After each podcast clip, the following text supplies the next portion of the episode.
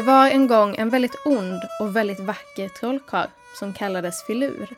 Filur älskade vackra saker och kidnappade allt han tyckte var vackert upp till sitt slott på bergstoppen strax ovanför molnen. Han hade kidnappat massor av pojkar och flickor och dagarna i ända så tvingade han dem att dansa och sjunga visor. När han tyckte att någon inte längre betedde sig tillräckligt vackert så kastade han ner dem för berget.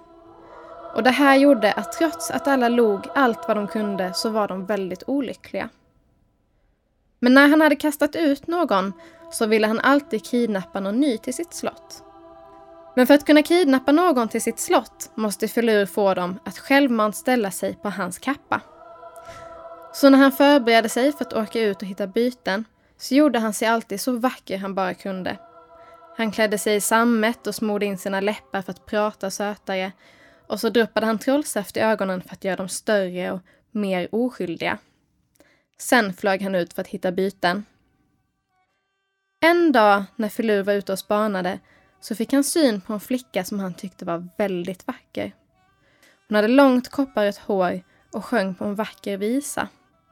Filur ville genast fånga henne. Och han gjorde allt vad han kunde för att försöka få henne att ställa sig på kappan.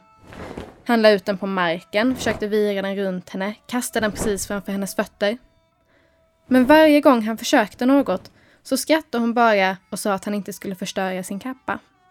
Flickan hette Alvida och hon hade ingen aning om att han var en trollkarl som ville kidnappa henne. Utan hon tyckte mest att det var märkligt att han dök upp hela tiden.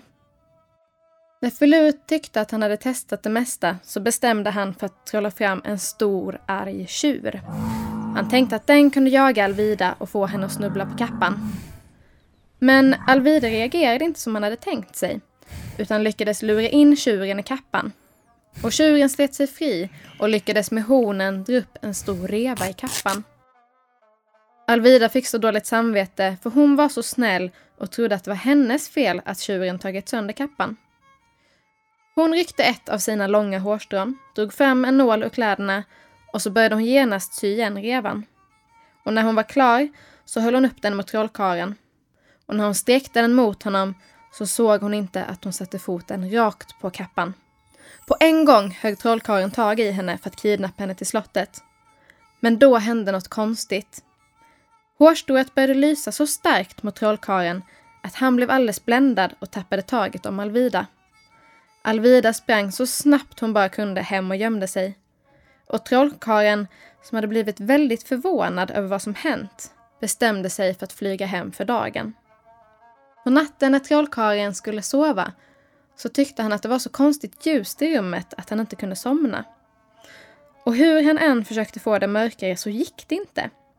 Han letade omkring och så upptäckte han att det var Alvidas hårstrå som lyste så starkt. Eftersom en god gärning lyser starkare än en ond kunde den elaka trollkarlen inte dölja Alvidas ljus hur han än försökte. Och när trollkarlen inte fått sova på flera nätter bestämde han sig för att flyga till Alvida och be om hjälp.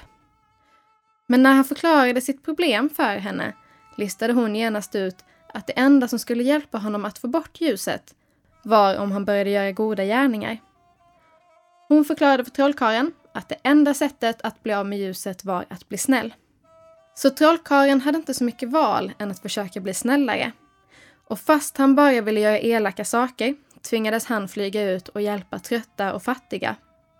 Och varje gång han försökte kidnappa någon så lyste sömmen så starkt att han blev tokig.